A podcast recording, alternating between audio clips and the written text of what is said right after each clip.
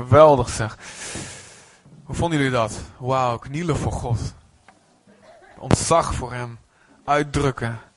Lichamelijk en met onze aanbidding. Ik, ik heb er geen moeite mee. Niet meer. Om, om uren, letterlijk uren voor God geknield te staan. Ik, ik heb één keer meegemaakt dat de aanwezigheid van God zo een kamer binnenkwam waar we mensen aan het bidden. Dat ik drie kwartier op de grond gelegen heb. En, en werkelijk, ik wist, het is. Ik, ik, niet, dat ik, niet dat ik een verkeerde manier bang was voor God, maar ik had zo'n ontzag voor God. En het vulde de ruimte. Dat ik wist van, ik moet gewoon, ik moet niks zeggen. Ik moet me niet bewegen. We hebben allemaal plat op, op, ons gezicht gelegen. En aan het einde daarvan kwam iemand zomaar de kamer binnen die er niet bij was. Die begon te profiteren over ons allemaal. En dat klopte. Raak, raak, raak voor iedereen. Het barst allemaal in tranen uit. Ik heb geleerd om, dat het goed is. Om gewoon soms tijd te verspillen aan Jezus. Amen. Maar we hebben te maken met, uh, met kinderen, met een orde van dienst nu eventjes. En dat is goed, dat is geen probleem. Dus daarom moeten we het even knippen. Maar eigenlijk ons hart zou willen doorgaan, of niet? Ja toch? Hè? Mijn hart wel, jullie hart ook. En zo niet, dan, uh, dan ja, zet even even een knop om, want in de hemel gaan we het wel doen. ga je daar balen. Het is niet leuk om te balen daar. Gaat goed met jullie? Zijn we klaar voor het woord?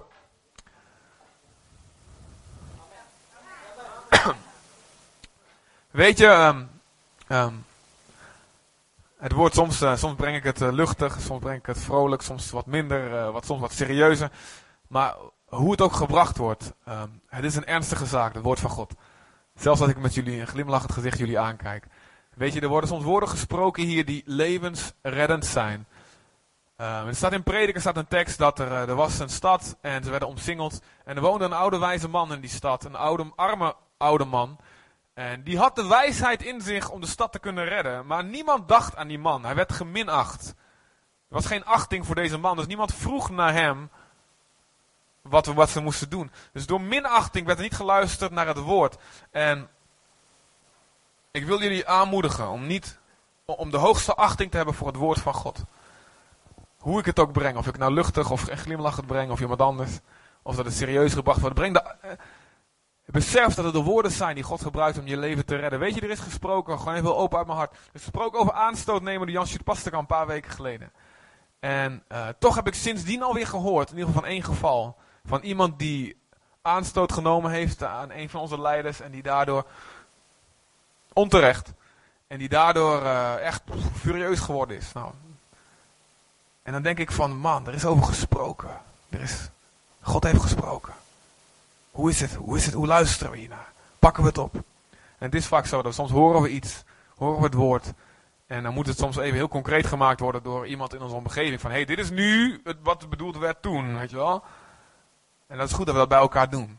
Maar het woord van God, staat de lippen van de rechtvaardige wijden er velen. En redden leven staat er ook. Dus hoe, hoe, hoe, um, hoe het ook gebracht wordt. Het woord van God is hier om je leven te redden. Dus laten we staan. En ik wil dat je je Bijbel pakt met mij. Ik weet nog niet of dit een ritueel gaat worden, maar het bevalt me wel goed de laatste weken. Toch? Pak je Bijbel en leg hem dicht bij je hart. En zeg, Vader God, dank u voor uw woord. Dat mijn leven redt. Dat mijn nieuw leven geeft. Dat de aarde vernieuwt. Dat mijn lichaam en ziel geneest. Dank u dat dit woord van vandaag mijn leven zal bouwen om klaar te zijn voor de aanval van de duivel en voor elk goed werk wat u voor mij gepland heeft. Ik zal opletten. Ik zal niks missen. Ik zal luisteren met geloof. Hoe lang die preek ook mag duren. Ik hou ervan. Maar dat komt van u. Amen. Amen. Amen. We hebben gesproken over eer de laatste drie weken. Uh, als jullie er niet geweest zijn, uh, of een van de twee voorgaande diensten gemist hebben, uh, ons internetteam doet er zijn keiharde best voor om het zo snel mogelijk op internet te zetten. Um, dus daar ga ik helemaal vanuit, zodat jullie die kunnen luisteren. En ik wil je aanmoedigen, luister dat. Het is echt, het hoort bij elkaar. Alleen ja, om drie uur achter elkaar een preek te geven, dat is een beetje zielig.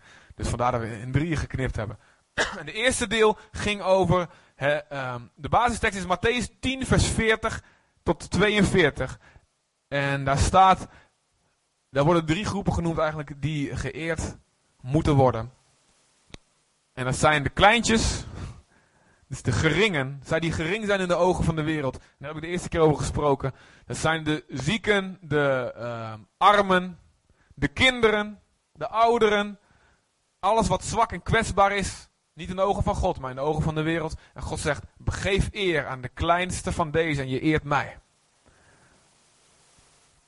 Dat het belangrijk is om iedereen te eren omdat God geschapen heeft naar zijn beeld. En, en wat we God eren, eren we God. Die we, we herkennen het beeld van God. Al is het een hele vage echo bij sommigen geworden.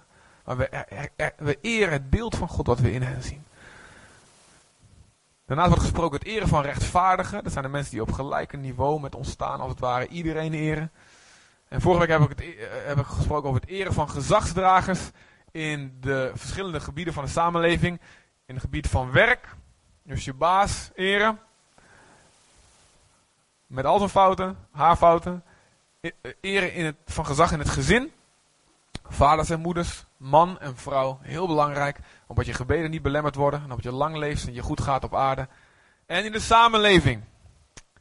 Omdat God wil dat iedereen gered wordt, is, is, is het goed dat wij bidden voor de gezagsdragers in de samenleving. Het kabinet, de ministers, de politie. Dat we zeggen, dank u voor deze boete, meneer de agent. Want u bent hier om mij te beschermen. Ja, amen, die was voor jou. Wie het hardst lacht, die... je hebt nog... Je rijbewijs komt er bijna aan en dan ga je hem respecteren. Want wat zou er zijn als de politie er niet was? Of als er alleen maar corrupte politieagenten zijn? Ga, ga de wereld, reis de wereld rond en ontdek de zegen van een goed functionerend politieapparaat. Ondanks dat er fouten gemaakt worden. En ontdek de zegen van een overheid die de belastinggelden niet naar hun eigen familie doorsluist, maar echt investeert in de infrastructuur en in alles wat er nodig is om goed voor ons te zorgen. Dus we eren God daarmee door ook die gezagsdragers te eren. En vandaag gaan we het hebben over hetgene wat, misschien heel veel van jullie het meeste doet stijgeren. Ach, ik weet het niet. Misschien zijn jullie, al, misschien, uh, zijn jullie al heel erg geestelijk daarin. En het is gezag in de gemeente. ik moet eerlijk bekennen dat ik daar uh, in het begin, toen ik wist dat we hierover moesten spreken, best wel wat stroom over had. Want mijn gedachte komt van, ja, ik moet gaan spreken over... Um, dat gaat ook onder andere over, over mij. En dan moet ik daarover gaan hebben. En uh, ik heb een tijdje dat van, nou weet je, doe maar niet, doe maar niet. Want dan gaan ze misschien denken dat er allerlei verkeerde motieven aan zitten. Dat ze willen, dat, dat, dat, dat gaan de mensen misschien denken dat ze allemaal willen dat we allemaal voor ons neerknielen en zo. En uh, bloemenpaadjes voor ons neerstrooien en alles. En, um, maar God sprak heel duidelijk tot me. Je moet niet uit mensenvrees een deel van de waarheid weerhouden. En daarmee een groot deel van de zegen voor de gemeente roven. Paulus zegt in Handelingen 20, vers 26 en 27. Hij zegt, als hij afscheid neemt van de mensen in Efeze, zegt hij. Hij zegt, het is de laatste keer dat ik jullie zie, zegt hij. Ik heb geen bloed aan mijn handen. Mijn, hand is mijn handen zijn vrij van het bloed van jullie. Mocht er iets verkeerds met jullie gaan, mochten jullie verkeerde keuzes maken. Want ik heb alles wat ik wist van God aan jullie verkondigd. Ik heb niks achtergehouden. En zo, dat wil ik ook zijn. Zo wil ik God dienen. Dus uit de mensenvrees moet ik overwinnen. Ik moet spreken, wat zegt God over het eren van gezagsdragers in de gemeente. Amen, maar jullie helpen me heel goed erbij. Jullie gaan amen roepen en zo. En juichen als we dingen... Hè, daarmee, dat, dat, dat gaat allemaal een stuk beter zo. Halleluja. Let op, even nog wat basisdingen uit het begin. Het gaat niet over aanbidding. Aanbidding is alleen voor God. Maar eren, die, dat is zowel voor God als voor mensen. En um, de Bijbel zegt, eert allen. 1 Petrus 2 vers 17 en 1 Johannes 4 vers 20 en 21 staat, we kunnen God liefhebben door mensen liefhebben en God eren door mensen te eren. In Romeinen 12 vers 10 staat, wees in eerbetoon elkaar ten voorbeeld. Dus wat jullie vandaag horen en afgelopen weken gehoord hebben, de opdracht van God aan jullie is dat je een voorbeeld bent voor de rest. Als de rest niet zo goed oplet, jij let op. En jij, als je rest niet goed uitvoert, jij voert uit. En dan word je een voorbeeld voor de rest. Het is een opdracht. Wees in eerbetoon ten voorbeeld. Als je samen uit eten gaat, wees een voorbeeld in hoe je de obers bedankt. En ze eert. Voor wat dat ze je gediend hebben. Amen. Je bent een voorbeeld voor de anderen. Etcetera, etcetera. En God zegt in 1 Samuel 2 vers 30. Wie mij eren, zal ik eren. En dat zie je ook. Ik zie dat om me heen gebeuren. Mensen die weten wat het is om mensen te eren. Die namens God, die God dienen. Die ontvangen van God ook de grootste eer. Oké. De gemeente is de belangrijkste instantie op aarde. Amen. Niet de Verenigde Naties, niet de Europese Unie, niet de, de Tweede Kamer, maar de gemeente van God. Daar worden de beslissingen gemaakt tussen hel en hemel, eeuwigheid, zonder of met God. Daar is waar gebeden gedaan worden, uitgesproken worden. En Jezus zegt: Wat je bindt op aarde zal gebonden zijn in de hemel. Dat is waar autoriteit geoefend wordt, waar de heiligen klaargemaakt worden om de wereld te dienen met het plan van God.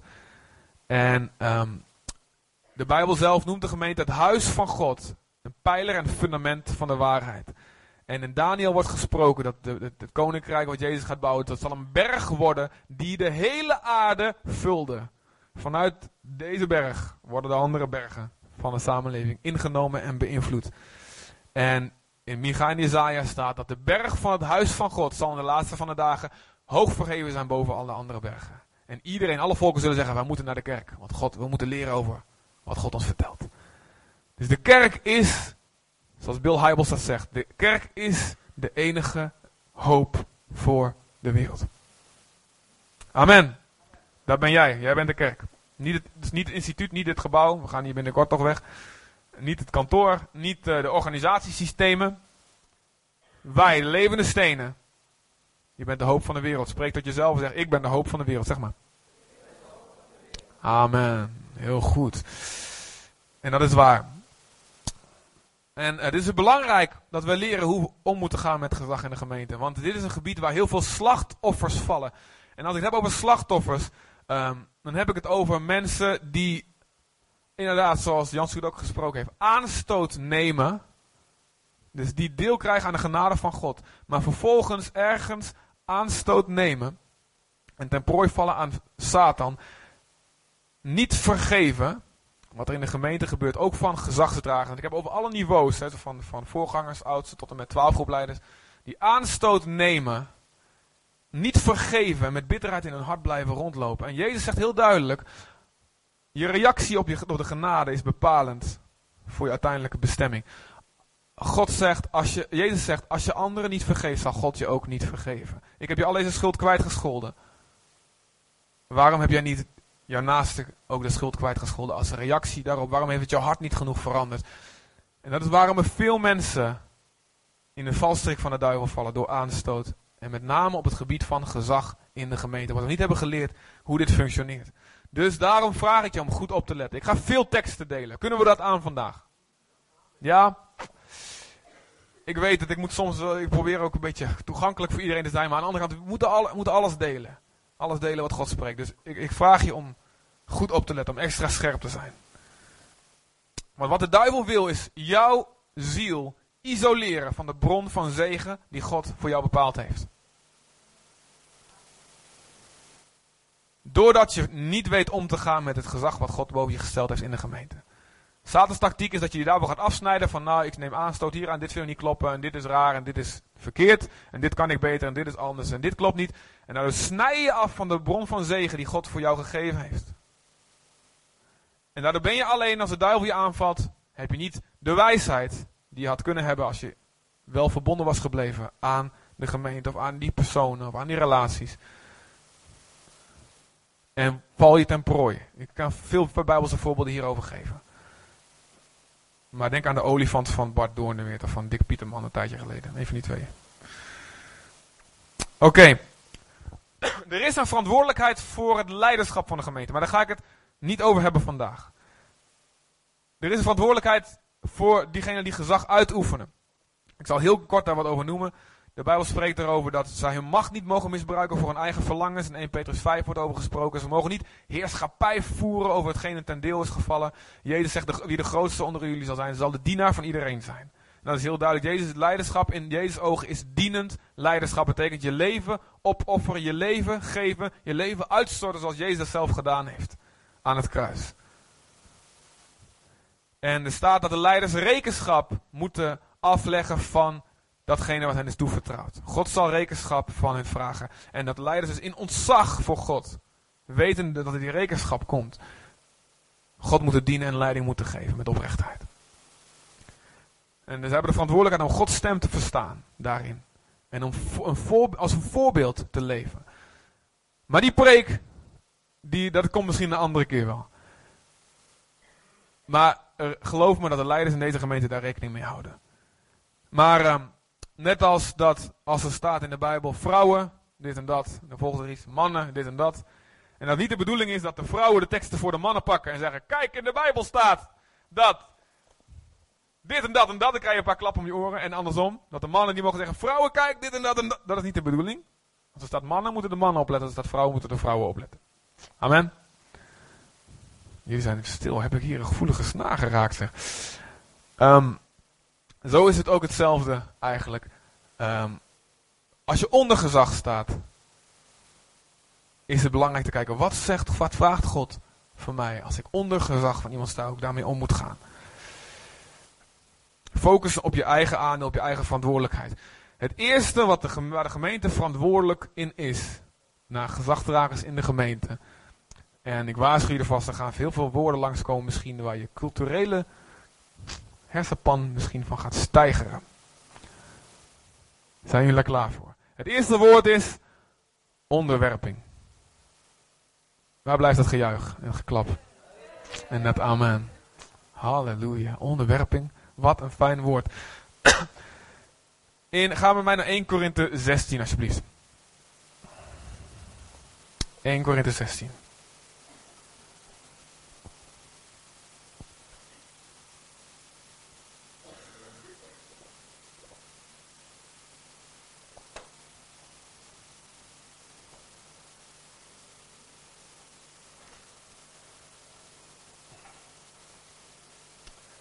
1 Korinther 16 en dan vers 15. Luister goed wat er gaat komen. Allemaal. De duivel wil zelfs dat je aanstoot gaat nemen aan deze preek. Aan deze woorden die ik zeg.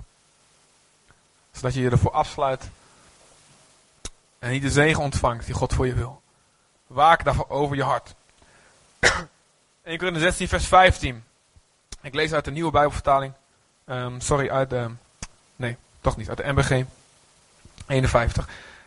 Paulus eindigt zijn brief bijna en zegt: Nog één verzoek, broeders. Jullie weten van het huis van Stefanas dat het een eersteling van Achaïe is, dus een van de eerste bekeerlingen uit het Griekenland.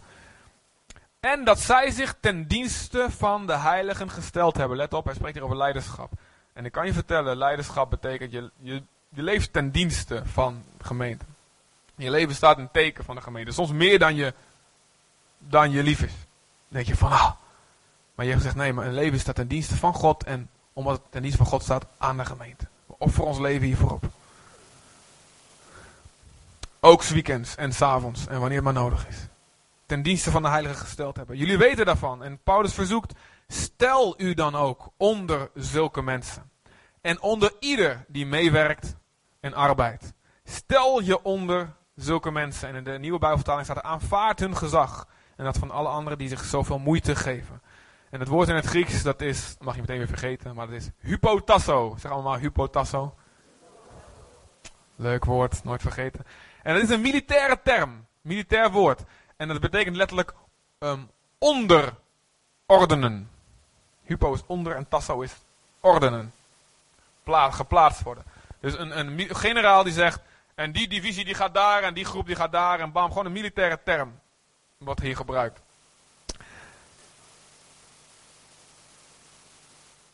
En dat is jezelf als het ware, omdat we een, een gemeente van God is ook een leger. En er wordt ook gestreden, niet tegen mensen. Halleluja, daar ben ik niet zo goed in. Ik heb gisteren van iemand gehoord in de gemeente die op boksen zit. Zo. Voelde ik me een stuk veiliger toen ik met die persoon meefietste. Ik zal niks zeggen. ik zal naar niemand kijken. Um, maar we zijn ook een leger. En dat betekent, er zijn ook orders. En soms is het de tijd om te zeggen: oké, de, de generaal die zegt dit en dat, we gaan het gewoon doen. Dan kunnen we effectief strijden. Wat gebeurt er als soldaten zeggen: Nee, generaal, ik denk dat we beter dit, ik denk dat we beter dat. We gaan allemaal kriskast door elkaar. Iedereen doet zijn eigen ding, iedereen rent de andere kant op. Dan lijkt het een beetje op Monty Python. Uh, de Olympische Spelen, de, de, de 100 meter voor mensen zonder richtingsgevoel. Dan staan ze allemaal op een rijtje en dan, dan wordt het startschot geloosd en dan rennen ze allemaal de andere kant op. Heel erg grappig. Maar dat werkt niet in een leger. Ja, sorry, dat vind ik grappig. En soms is het tijd om gewoon te zeggen, oké, we gaan die kant op. Nou, er wordt ook een ander woord gebruikt voor onderwerpen. Dat staat in Hebreeën 13. En dat is een wat vriendelijker woord. En het hangt soms van de situatie af, denk ik. Op welke manier van onderwerpen er nodig is.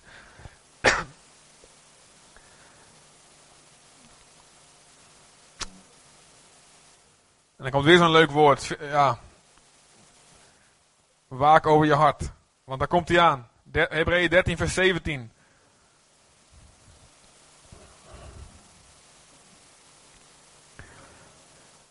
In de nieuwe Bijbelvertaling, gehoorzaam uw leiders. Daar heb je weer zo'n leuk woord. Gehoorzaam.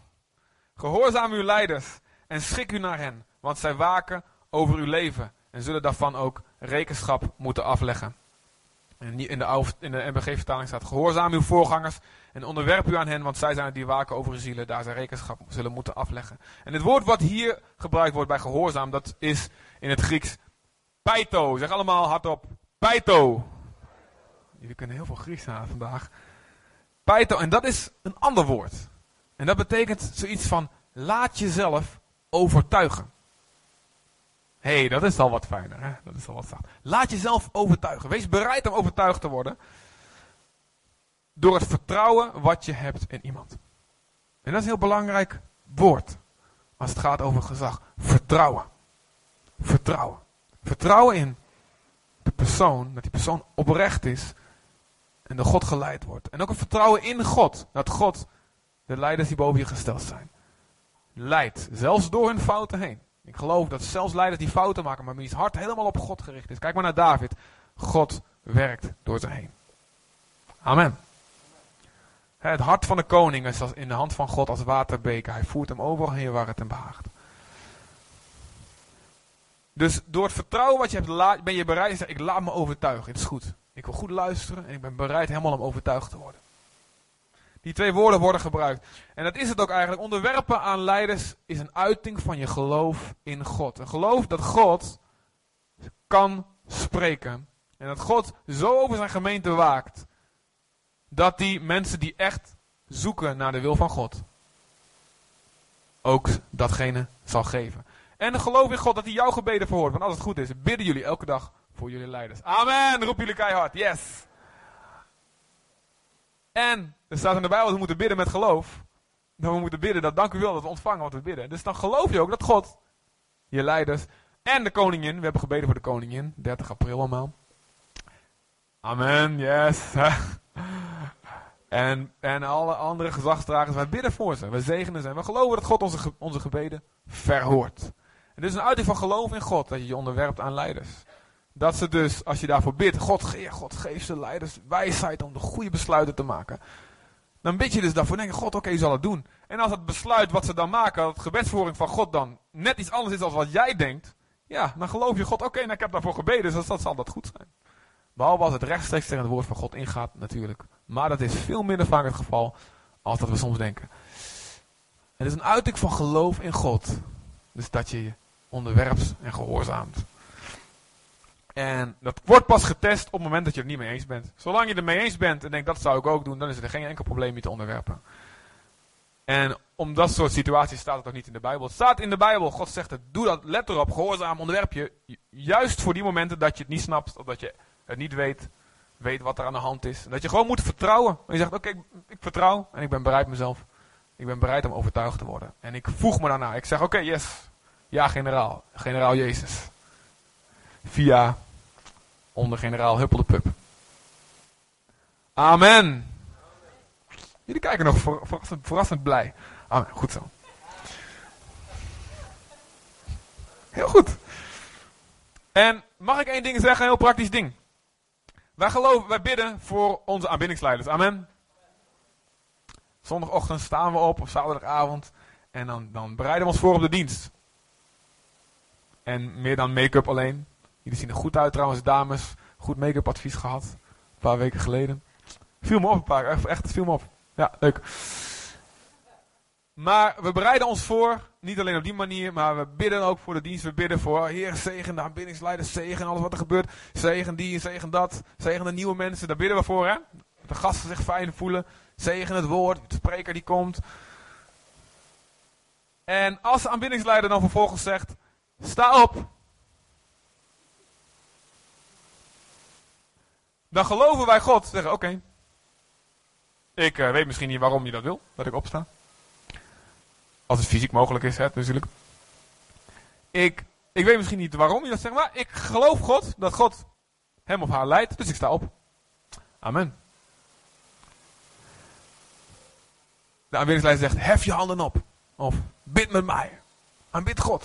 In je eigen woorden. Zeg, oké, dan geloof ik God dat voor, om het max, de maximale zegen voor hem en voor mezelf en voor de gemeente te krijgen, is om ons te onderwerpen op dit moment aan degene die de leiding van die dienst heeft. Wauw. Het is een uiting van geloof in God als je dat doet. Wat je ook kan doen is je blijft zitten van, nou, ik bepaal zelf wel of ik opsta en of ik mijn handen, dat, dit zijn mijn handen. God ziet mij ook wel in mijn hart. Hé, hey, weet je, oké, God bliksemt je niet neer als je niet doet. Maar als we geloof hebben in God en we willen de maximale wat God heeft, we bidden daarvoor. God geef ons een zegen vandaag en leidt de hele dienst. Nou, gehoorzaam, je onderwerp je aan degene die op dat moment de leiding heeft, die God op dat moment gebruikt daarvoor. Ja? Alright, ik, ik ontdekte dat in mezelf. Um, toen ik uh, een keertje in een dienst zat ergens en, de, en, um, en de spreker zei, uh, er werd een oproep gedaan voor bekering aan het einde. En um, de spreker zei, doe wil u vragen of iedereen zijn ogen sluit en uh, dan tijdens dat ogen, dat ogen gesloten worden mag iedereen zijn handen omhoog doen wie, wie wil zeggen ik wil Jezus aannemen. en ik dacht tot dan toe altijd van, nou, dat vind ik zo'n onzin, ogen sluiten, dat slaat nergens op. Moet je met ogen open ook kunnen. Als je echt tot geloof komt, dan moet je gewoon... Dus ik hield mijn ogen open en, God sprak me aan en zei, hey, wat doe jij? Ik zei, wat? Je bent rebels. Je bent opstandig. Ik zei, wat bedoelt u, heer? Je, je luistert niet naar wat ik zeg. Ik zei, heer, maar ik weet het toch, ik, ja, ik weet het toch beter. Het valt wel mee. Nee. Ik, en toen dacht ik in het principe van, ook al heb ik misschien allemaal gedachten, God heeft die persoon in die dienst waar ik zat, dat was niet uh, gewoon een dienst waar ik op bezoek was, de, de autoriteit gegeven. En als die persoon denkt dat het goed is, hij moet, hij moet rekenschap afleggen voor wat hij doet. Als die persoon denkt dat dat moment is het goed, omdat iedereen zijn ogen sluit, doe dat dan gewoon. Voor het maximale resultaat. Maximale vrucht. Ik zei, oké. En sindsdien, ik ga stijf mijn ogen er echt niet eens zo onder mijn wimpers kijken. Amen. Als het hier in mijn eigen gemeente gebeurt, dan is het een ander verhaal. Want als een gastspreker komt en doet dat, dan denk ik, oké. Dan, dan staat hij onder ons gezag. Hè? Dat is een ander verhaal. Maar dat, snap je hoe dat werkt? Ik zie echt allemaal lampjes aangaan. Echt te gek. Goed zo. Geloof in God. Het is geloof in God. Je te onderwerpen aan het leiderschap voor dat moment. En het is rebellie en opstandigheid om het niet te doen. Oh. Of amen. En die houding van wie ben jij dat jij mij vertelt, dat komt in de Bijbel voor, wist je dat? Korach, die zei tegen Mozes, nummer 16, moet je maar lezen, niet vlak voor slapen gaan. Dat is niet zo'n fijne afloop. Maar dan zeggen ze, Mozes, wie ben jij, wie denk je wat je bent? Wij zijn allemaal heilig. Wij zijn allemaal priesters. Priesterschap van alle gelovigen. Wij zijn allemaal heiligen. En wie ben jij dat je jezelf boven ons verheft? Wie denk je dat je bent? Wij kunnen allemaal wel Gods stem verstaan. En ze eindigden uiteindelijk. Mozes was heel, heel staat er, Mozes was een zeer zachtmoedig man. Staat er. Zachtmoediger dan iedereen. En hij werpt zich op zijn gezicht. En hij zegt, nou God, en, en God beslist uiteindelijk. Laat, laat, laat zien hoe die werkt. En uiteindelijk eindigt Korach en die hele bende als fastfood voor de aardkorst. Oftewel, de, de aarde die splijt open en ze verdwijnen in de aarde. En de aarde gaat weer dicht. Auw. En de andere die dat dacht, was de eigen zus van Mozes. En dat was Mirjam. En mijn zus heet ook Mirjam. Dus dat, uh, oké. dus dat, dat, zij is hartstikke lief. En, um, maar die zei, hey, God heeft toch ook tot ons gesproken? Aaron zei tegen Aaron. En ze spraken onderling. En niemand hoorde het, dachten ze. Maar er staat, de Heere hoorde het. Dat erbij. Nummer 12. God heeft ook tot ons gesproken. En moet je kijken, Mozes heeft nou een Ethiopische vrouw genomen. Dat kan toch niet heel erg raar zijn. Oh, verkeerde beslissing, kan niet. Misschien hadden ze gelijk, weet ik niet. Er staat niet veel over in. Maar God heeft ook tot ons gesproken. Wat is dat? En Mirjam wordt melaats voor een flinke tijd. Uiteindelijk op de voorbeden van Mozes. Mozes moet voorbeden doen. En geneest, geneest ze weer. Dus die houding van wie ben jij, wie denk je wel dat je bent, is een houding die niet van God komt. En het heeft te maken met eigen wijsheid. En Spreuken 26 vers 12 zegt, zie je een man wijs in eigen ogen, voor een dwaas is er meer hoop dan voor hem. Ik dacht vroeger ook, toen ik nog in de gemeente zat en ik was dan een van de jeugdleiders in Deventer, of, voordat ik een taak had van, nou, maar als ik voorganger was, zou ik het zo en zo doen. Als ik dat, die bediening leidde, zou ik het zo doen. Als ik de evangelisatieleiding was, dan zou ik het zo en zo doen. Man, jong, waarom doen ze dat niet? Ik snap er niks van. Ah, je moet toch veel meer dit en veel minder dat en bam. Ik moet zeggen, ik piep behoorlijk anders sinds die tijd. En ik doe, we doen nu een aantal dingen die ik toen bekritiseerde als van dat moet je echt niet doen. Snap je? Als we oordelen, worden we geoordeeld. God zegt, wees nederig. De nederige zal ik genade geven. En nou, in Jezaja 1 vers 19 staat de houding erbij hoe we ons moeten onderwerpen. Het gaat niet alleen om onderwerpen van, nou oké, ik doe het wel. Zoals velen van ons tieners aan de afwas gaan, als onze ouders het zeggen. Oké, ik ruim mijn kamer wel op. Zoals ik het heel vaak gezegd heb ook. In Jezaja 1 vers 19 er staat, je zal het goede van het land eten als je gewillig bent en luistert. Er staat niet alleen als je luistert, zal je het goede van het land geven. Dus niet alleen als je gehoorzaamt. Maar als je gewillig bent en luistert. Let op. Psalm 110 zegt, uw volk is een en al gewilligheid. God wil gewilligheid. God wil een blijmoedige gever. Paulus zegt zelfs van, joh, geef zoveel als je kan. Hè. Zaai financieel in het koninkrijk van God. Maar niet met tegenzin of gedwongen. Want God heeft een blijmoedige gegeven lief. Hetzelfde geldt voor onderwerping en gehoorzaamheid. Blijmoedigheid. Ruim je kamer op. Halleluja! Dank u! Ja, natuurlijk! Ik ben zo blij! Oh. En dan doe je een vreugdedansje. En op die manier vraag God onderwerping aan je leiders. Kom op met die amen. Yes! Wat fijn! Dank u, Heer. Als Wilkin. Als Wilkin. Als wij weten dat Wilkin iets wil. Doen alles wat in onze macht is. Dan doen we het. Sommige dingen heb ik gedaan gewoon omdat ik één keer hoorde zeggen van. Hey, ik zou het heel fijn vinden als dit. En dan zei hij in het algemeen zeggen. Oké, ik doe dat. Met een gewillig hart. En nu gaan ze een, een, een, een bijbelschool uh, opstarten. En ik, ik zou het fijn vinden als jullie ook onderwijs gaan geven. En Oké, is goed. Reken op ons. Als je gewillig bent en luistert, zal je het goede van het land eten. Ik geloof het woord van God. Ik, ben, ik luister niet alleen, maar ik ben gewillig. Ik ben gewillig. Hè? 2 Samuel 23, heel leuk voorbeeld. 13 tot 17. Ik heb geen tijd om het te lezen. Maar David die wil, die wil een beetje water van de bron van Bethlehem. Oh, had ik maar een beetje water van die bron van Bethlehem. Probleem is, er zitten een bende Filistijnen tussen. En een, een paar helden van David, van zijn leger, die breken door die Filistijnen. Halen een glaasje water. Breken nog een keer terug. Ik moet altijd denken aan Asterix en Obelix erbij. Breken nog een keer terug. Hier een glaasje water. Allemaal stram en zo in bloed. En een arm hangt half eraf. Hier een glaasje water. Wat een toewijding. En, dat, en David zei, dat gaat te ver. Hij zegt, ik giet het uit voor de Heer. Heb je je leven gegeven voor een glaasje water, giet hij het uit. Maar hij zegt, ik offer het voor God. Alleen God verdient zulke extreme toewijding. Nou, dat is heel mooi van David natuurlijk. Hè? Maar zie het hart wat ze hebben. Met gewilligheid. Uw wens is mijn bevel. Zo'n mentaliteit hebben ze. Oh, had ik maar dit en dat. Boom. Toverdrank. Oh nee, uh, sorry. Te, dan kan je te veel strips leest. Oké, dus onderwerping. Eerst wat God vraagt. Tweede wat God vraagt. We zijn in Hebreeën als het goed is. Dan gaan we naar 1 Timotheus 5. 1 Timotheus 5. Jongens, geven jullie me nog even een kwartiertje. Ja? Ik ben wat later begonnen met de preken. Is goed, hè? De kinderen zijn ook wat later gegaan. Kan allemaal wel. Jullie magen en jullie koffieverslaving kunnen nog wel even uithouden. God wil jullie zegenen met deze woorden. Geloof ik echt. 1 Timotheus 5, vers 17.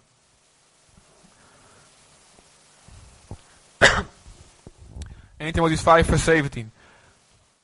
De oudsten die goede leiding geven.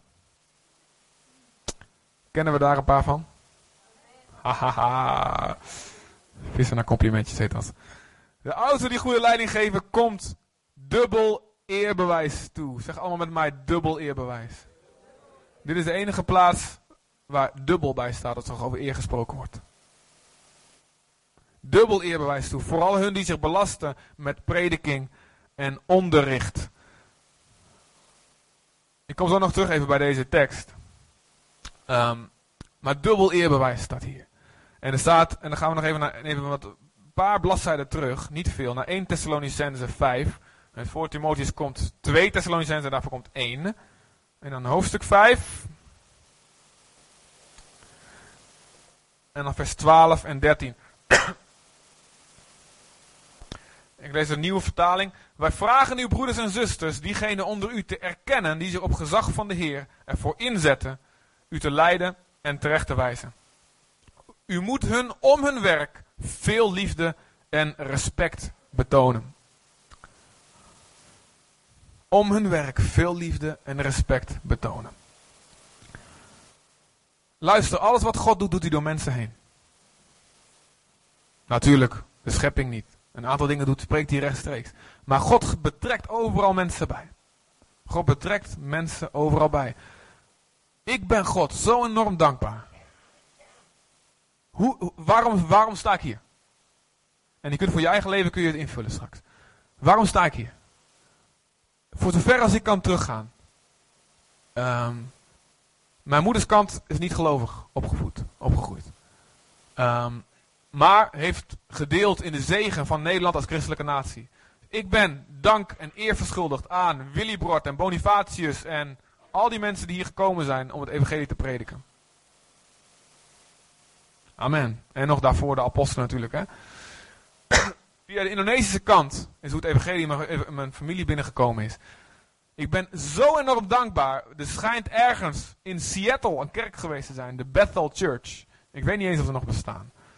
En die hebben zendelingen gestuurd over de hele aarde. En waren er heel veel in Indonesië. En in de jaren 50 is een grote opwekking geweest in Indonesië. En mijn overgrote moeder, de oma van mijn vader, ehm, oma Jet, was een stevige tante. Die uh, de harde hand, met harde hand haar uh, hele gezin en de kleinkinderen regeerde. Ik heb ook nog gekend.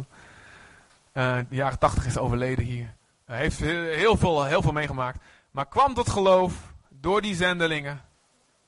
Eh, door een kerk die gesticht was door die zendelingen. Ik heb, ik, kan, ik weet niet, hopelijk in de hemel kom ik ze ergens tegen en zeg ik, wil je danken door jouw inzet. Ik weet niet wat voor offers ze gebracht hebben. Hun land te verlaten om daar gemeentes te gaan stichten.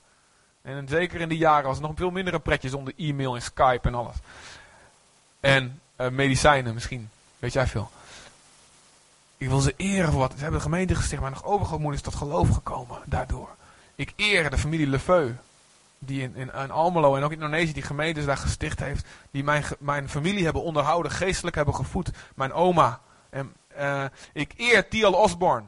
Die campagnes heeft gehouden in Jakarta. Niet alleen in Den Haag, hè, maar mijn oma was erbij in Jakarta. En ze zag een blind geboren man. Ik ben van plan om haar een keer uit te nodigen hier. En om haar te interviewen. Ze woont, ze woont in het Schalkhaar. Ze is in de tachtig. Een blind geboren man. Ze stond de hele dienst stond ze bij hem in de buurt. En voor haar neus Geneest die compleet. En mijn oma, schat van een mens, ziet dat. Begint God te prijzen en spreekt zo in tongen. Wordt gedoofd van de Heilige Geest. Jaren 50. Ik eer Tiel Osborne. Hij leeft nog, hè?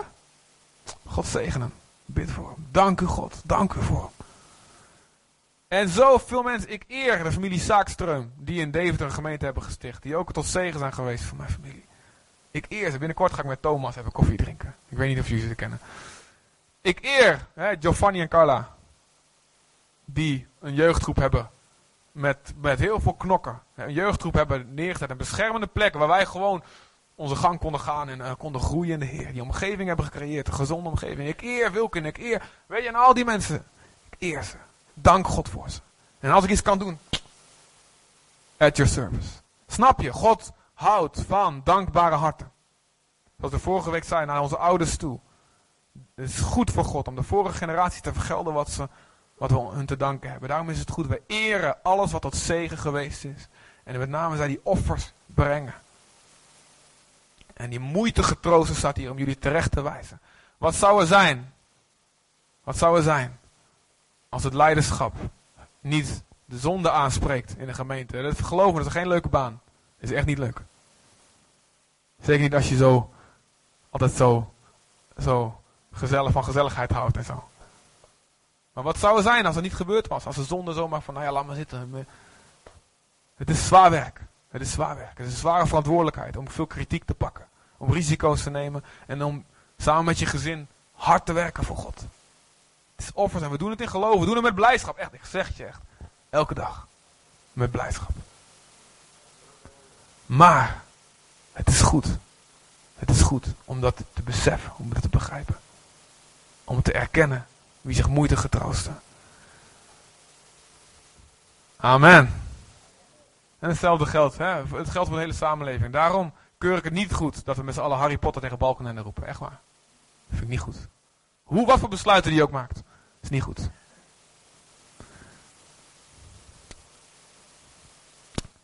Er staat in 1 Timotheus 5, staat er direct na, als het gesproken wordt over dubbel eerbewijs.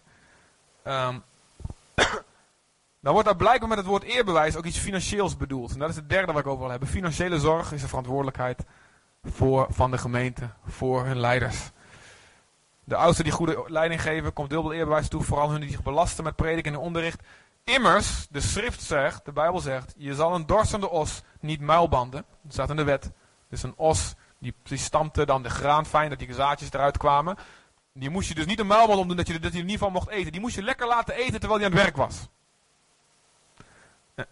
En Jezus zegt daarnaast, dat citeert Paulus hier ook, de arbeider is zijn loon waard. Het is het waard. Het is, is een loon waard.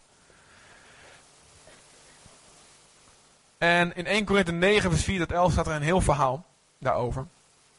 Um, ja, ik lees dat toch met jullie. Jullie hebben gezegd dat jullie goed zouden opletten, hoe lang het ook duurt. Halleluja. En 1 Korinthe 9 uh, spreekt Paulus er ook over. Vers, vanaf vers 4 en dat is interessant, in, tegen de Corinthiërs, uh, hij wil uitleggen dus, jongens, ik neem van jullie geen vergoeding aan. Van andere gemeentes wel, maar omdat bij jullie zo'n groot probleem is, neem ik van jullie niks aan. Hij had dus meerdere gemeentes die hem ondersteunen. En de Filippenzen gaven hem heel veel. En sommige gemeentes, hij werd zelf beschuldigd dat hij gemeentes plunderde voor zijn onderhoud. Maar tegen de Corinthiërs zei God tegen hem, je moet niks van hun aannemen. Want dat gaat niet goed. En dan later namen ze daar weer aanstoot aan. Dat, maar goed, dan legt hij dat hier uit. En dan zegt hij eigenlijk in vers 4: Hebben wij geen bevoegdheid om te eten en te drinken? Dus op kosten van jullie. Hebben wij geen bevoegdheid om een zuster als vrouw mee te nemen? Gelukkig heb ik er alleen. Het is ook een zuster. Gelijk ook de andere apostelen. En de broers van de Heer. Jacobus en Judas onder andere. En Kefas als Petrus. Die had dus. Of ze namen een vrouw mee op hun reis. Of ze. Uh, de vrouw van Petrus overleden en hadden een nieuwe getrouwd. Of hebben alleen ik en Barnabas geen bevoegdheid om vrij te blijven van handenarbeid? Wie doet ooit dienst in het leger en betaalt zijn eigen soldij? Wie plant een wijngaard zonder van de vruchten van te eten? Of wie wijdt een kudde en geniet niet van de melk van de kudde? Spreek je soms vanuit een menselijk standpunt of spreek ook de wet niet van deze dingen? Want in de wet van Mozes staat geschreven, je zal een dorsende os niet muilbanden. Bemoeit God zich soms met de ossen? Of zegt hij dit in dit geval om onze, omwille van ons? En dan zegt hij in vers 11, Indien wij het zijn die voor u het geestelijke gezaaid hebben, is het dan te veel dat wij van u het stoffelijke, het materiële oogsten. Dus het is een wet dus dat wie geestelijk zaait, zal materieel mogen oogsten. En ik wil jullie zeggen, ik neem geen aanstoot aan rijke mannen van God. Die in een mooi huis wonen. Echt niet. Ik neem geen aanstoot daar. Ik ken er eentje, persoonlijk die een man van God is. Bekend over de hele wereld. Veel verantwoordelijkheid draagt. Hard werkt. En ik heb nog nooit zo'n vrijgevig iemand gezien als hij. Hij komt binnenkort naar Nederland. 6 juni. En um, ik neem geen aanstoot aan zijn dikke huis. Ik ben daar geweest. En hij is aan het verhuizen naar een nog dikker huis. Want ik zie het werk wat hij ervoor doet. Ik zie dat dit, dus hij heeft tien keer zijn eigen auto weggegeven. Hij heeft onze huwelijksreis betaald. Zeg, kijk, doe maar, weet je, zoek maar wat leuks uit. En ik betaal, zeg maar hoeveel het is. Geef me je rekeningnummer, ik betaal het voor je. Anders, waren, anders hadden we niet kunnen gaan. Hij koopt hele, als mensen gaan trouwen, zegt hij, weet je, ik koop, we gaan naar de meubelwinkel, zoek maar een hele inrichting uit, ik betaal het. Ik neem geen aanstoot. Als, die mensen, als God die mensen terugzegent. Want Jezus zegt, als je iets voor mij opgeeft, als je iets voor mij offert, je zult vele malen meer ontvangen. In dit leven met vervolgingen. En in de toekomende tijd het eeuwige leven. Ik neem geen aanstoot daaraan. Er zijn er, ja zijn er, die misbruik maken. Er zijn er. Daar zullen rekenschap moeten afleggen. Maar ik geloof ook dat we heel voorzichtig moeten zijn in het oordelen van die is verkeerd, want die woont in een dik huis en dat mag niet.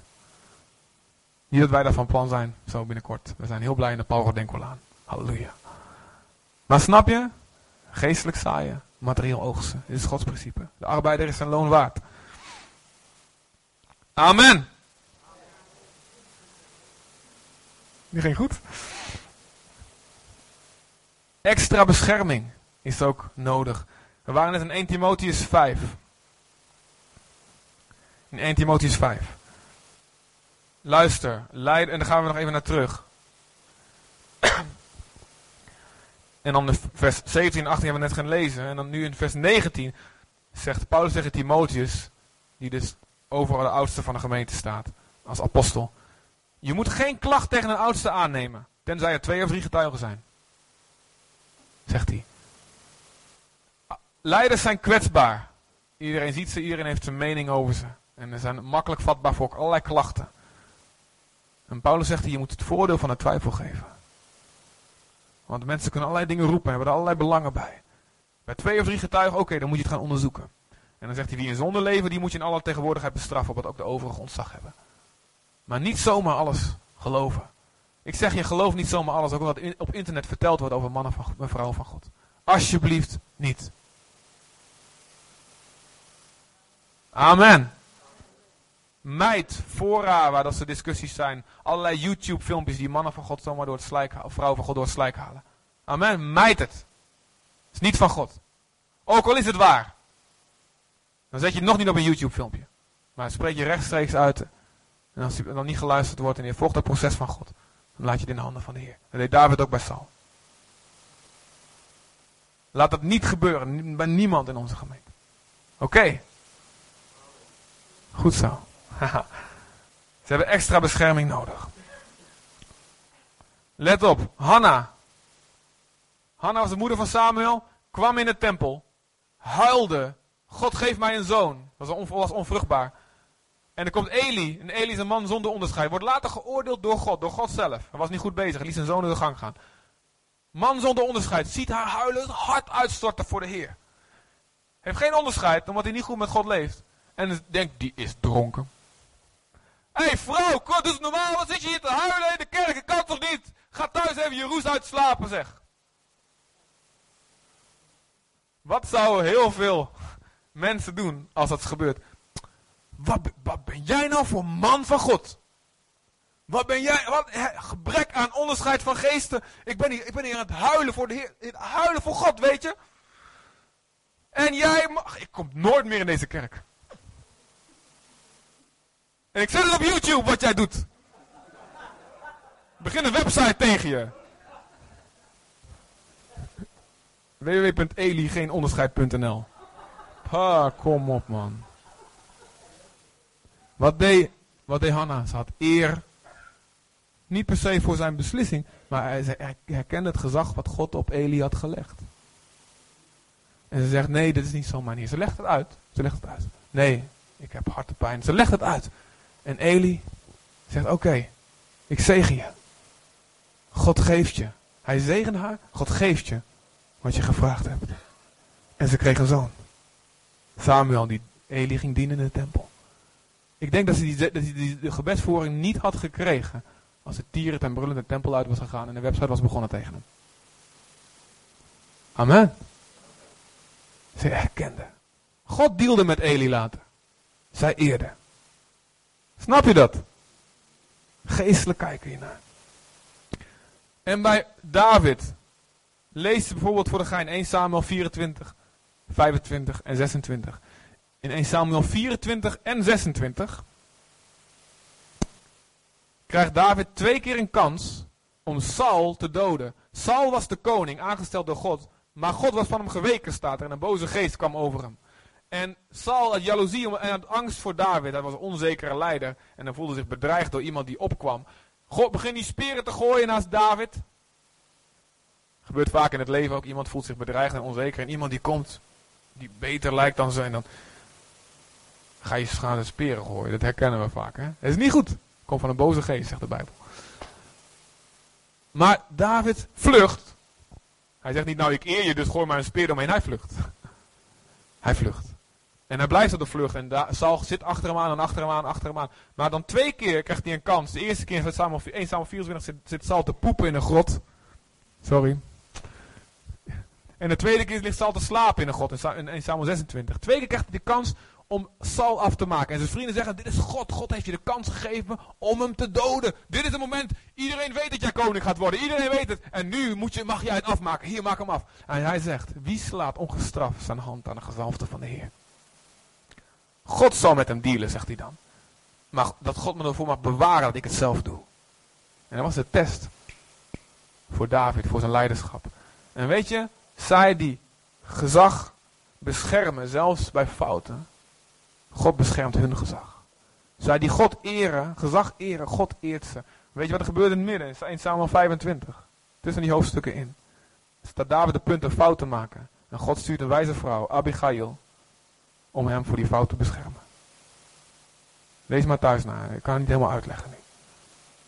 24, 25 en 26, die hoofdstukken. En later ook.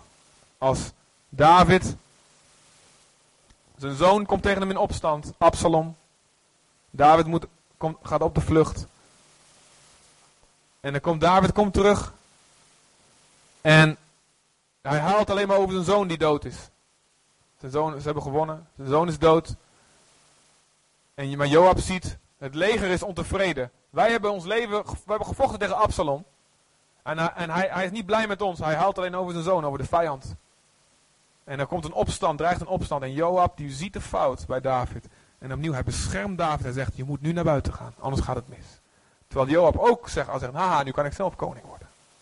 God, als jij weet met gezag om te gaan, als jij weet gezag te beschermen, zelfs als ze fouten maken. God eert jou. Amen. En God kan jouw gezag toevertrouwen. Dat is de test voor het feit dat jij gezag aan kan. Snappen we dit? En als laatste punt. Gaat goed. In Hebreeën 13. Nog een keer.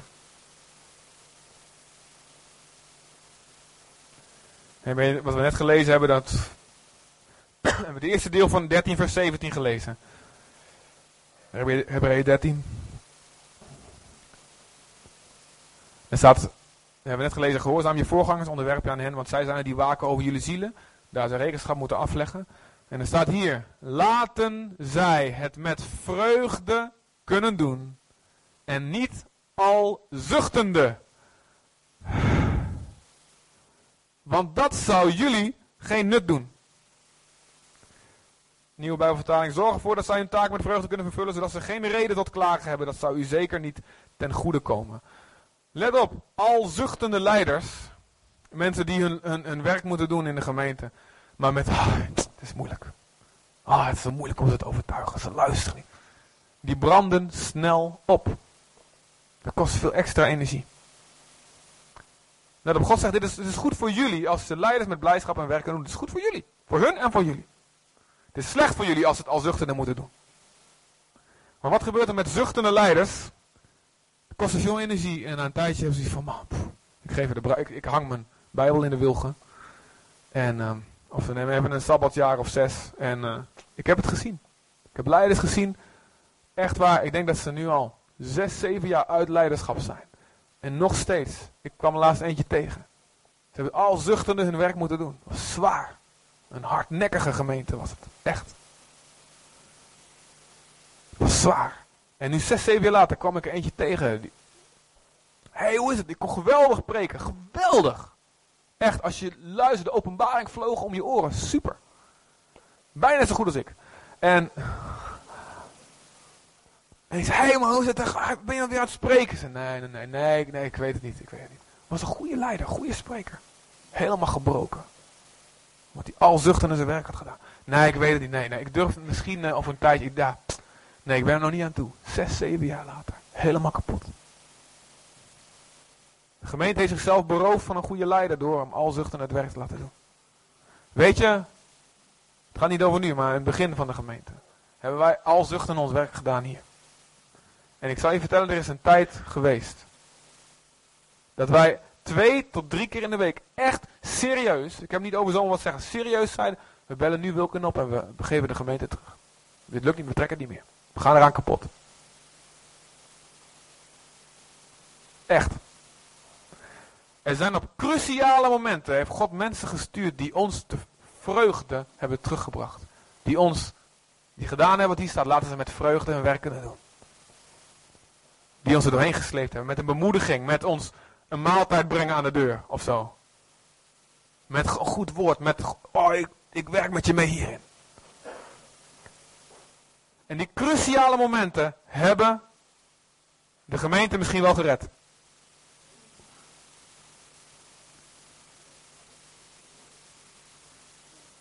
Amen. Snappen jullie dat? Het is goed voor de gemeente. In Spreuken 28 vers 2. De opstandigheid van het land zijn aan vorsten velen. Als er geen leiderschap is, heeft de duivel vrij spel. En weet je, in de koninkrijk van God is het zo. De sterke dient de zwakke. Amen. En leiders zijn in zekere zin sterk. Misschien omdat ze eerder tot bekering gekomen zijn. Of sterker dat ze vooraan kunnen gaan in de strijd. En die zijn geroepen dus om de gemeente te dienen. Maar door dat dienen worden ze weer kwetsbaar. Worden ze weer zwak in een bepaald gebied. Kwetsbaar voor kritiek en voor vermoeidheid en al die dingen. En dan is het weer andersom op die gebieden. Dan moeten ze in hun zwakheid weer gediend worden door diegenen die in dat opzicht qua verantwoordelijkheid sterk zijn, minder verantwoordelijkheid hebben. Zo werkt het in het koninkrijk van God. Ik hoor al iets kraken, ja. En weet je, ik heb op de wereld, ik, heb, wij zijn, ik ben in Sydney geweest vorig jaar. En wij werden, ik en Marcos Wit, waren, ik was een assistent. Ik vond het leuk om hem te dienen. En we werden daar rondgereden door een chauffeur. En dat was ook onze chaperone. Die wacht op ons in de hotelkamer. Wanneer je maar, wanneer maar nodig hebt, ben ik er. En die ging, die ging mee spijkerbroeken kopen. En Marcos zei van, oh, ik voel het niet zo lekker. Ik zou kippensoep willen. En als die helden van David, bam, binnen een kwartier had hij kippensoep. Uh, Chileense kippen, precies als Chili, in Australië. Geregeld. Echt, wat hij maar wilde, werd geregeld, zonder klagen. En reed ons rond. En wanneer, wanneer moet ik zijn? Dit, nou, dag, twee dagen, drie dagen stond hij tot onze beschikking. Zonder enige mopperen. Na een dag komen we erachter dat hij een miljonair is. Een multinational bedrijf heeft. Die snapt wat dien is. John Beveer vertelt een verhaal. Dat hij in Afrika is. En dan weten ze wat dubbel eerbewijs is. En dan wordt hij in zijn stoel gezet als het ware. Hij wordt helemaal, alles wordt begeleid, weet je wel. En zijn handen worden gewassen en zijn voeten worden gewassen. En op een gegeven moment wordt, dan is hij, hij is dan gewend. Na een tijdje komt er een man, die, die, was, die doet zijn schoenen weer uit. Die wast zijn voeten letterlijk en die frist hem helemaal op. En echt het smerigste werk als het ware, zeker in Afrika. En de voorganger die naast hem zat, die zegt, weet je wie dat was die net jouw voeten gewassen heeft? Dat is de hoofd van de landelijke geheime dienst, zeg maar de CIA van ons land. Nationaal. Ik zei, maar hoe kan het nou? Hoe kan het nou? Hé, hey, hij snapt. Jij bent de man van God. En in dit koninkrijk is dit hoe het werkt. En wij, onze cultuur, denken van, nou, je moet niet zo hoog van zijn toren, dat laat je toch niet gebeuren. Weet je, zal ik je eens wat vertellen? En um, ik uh, zal zijn naam niet noemen, maar er is iemand die heel goed. Er zijn heel veel mensen hier die goed snappen wat dienen is. Niet, ik wil niet alleen maar één naam noemen. Er zijn heel veel mensen die goed weten wat eer is en, en, en, en geweldig ons blijdschap geven. En, en, en andere leiders blijdschap geven. Laatst zat ik in een kantoor en um, er was iemand die voor de zoveelste keer kwam vragen: Wil jij wat, wil, wil je wat drinken hebben? Kan ik het voor je doen? Wil je wat drinken? Wil je drinken? Wil je drinken? En die me niet, niet toestaat zelf een drinken in te schenken en zo. En na de derde, vierde keer op die dag had ik zoiets van, nou, nou, nou is het echt een goed ding. Weet je wat? Ik ga, ja, ik wil, ik wil een glas water. Ik wil altijd een glas water. Nee, ik ga zelf wel. Ik ga zelf wel. Is goed, ik ga zelf wel. En, nee, ik vond, ik vond het te veel. Ik kon het niet meer aan. Mijn cultuur, mijn systeem, die, die, die sloeg op tilt. Het is te veel. Te veel gediend. Dat kan ik niet hebben. En God zei, blijf zitten. Aanvaard het. Blijf zitten. Dat was een grote les voor mij. En dan zag ik hoezeer er nog in mijn cultuur zit. Dat ik het niet kan pakken. Maar ik wil hem niet van de beloning beroven die God geeft voor zulke acties. Amen. Wie heeft er aanstoot genomen aan deze prik? had ik jullie bijna daar, had ik jullie bijna te pakken. Luister, het is goed. De duivel wil je afsnijden van de gemeente. Doordat je deze principes niet begrijpt. Dat je niet weet hoe je met je leiders om moet gaan. Laten we de duivel niet toestaan. Maar laten we om dit te doen. Maar God eren. Door te eren wie Hij ons gezonden heeft. Ze ontvangen als een profeet. Amen. Laten we staan. En nu staan jullie allemaal natuurlijk. nou, wat ik gezegd heb, heel goed. Victor, wil je komen? We gaan de dienst meteen afsluiten. maar vader, ik bid u God, Heer, dat u ons helpt dit te doen. Ons allemaal. Vader, ons hart, hart van iedereen, ook van de leiders, is om te dienen. Om ons leven uit te storten. Waar, gewoon omdat Jezus ons dat voorgedaan heeft. Ik bid dat we allemaal ons deel zullen doen in onze eigen, onze rol, de rol die bij onze functie past, Vader. Voor dit seizoen. Zodat u ons meer en meer kan toevertrouwen, Vader. God, laat niemand, niemand, niemand in deze gemeente en wie er nog toegevoegd gaat worden. De honderden en duizenden die toegevoegd gaat worden. Laat niemand dit niet begrijpen en dit niet toepassen. Laat iedereen, laat er een cultuur zijn van eer. Naar de onaanzienlijke, de kleine, de kinderen, de ouderen, de verslaafden, de alle mensen. En naar gezagsdragers op alle gebieden, naar iedereen. Zodat u ons kan eren. En wat waar we het liefste willen, is dat uw naam gezien wordt en we veel vrucht mogen dragen voor u, Vader God. Laat dit gebeuren. Speel maar vast wat, jongens. Speel maar een lied. Vader, dank u wel. Amen, Heer. Amen. Vader, ik bid u ook, Heer, op dit moment, Heer. Dit is wat ik altijd wil doen. Ik wil dat niemand hier weggaat, waar de preek ook over gegaan is. Welk onderwerp het ook is. Ik wil dat niemand hier weggaat. God wil dat niemand hier weggaat. Zonder het 100% besef dat God helemaal aan jouw kant staat.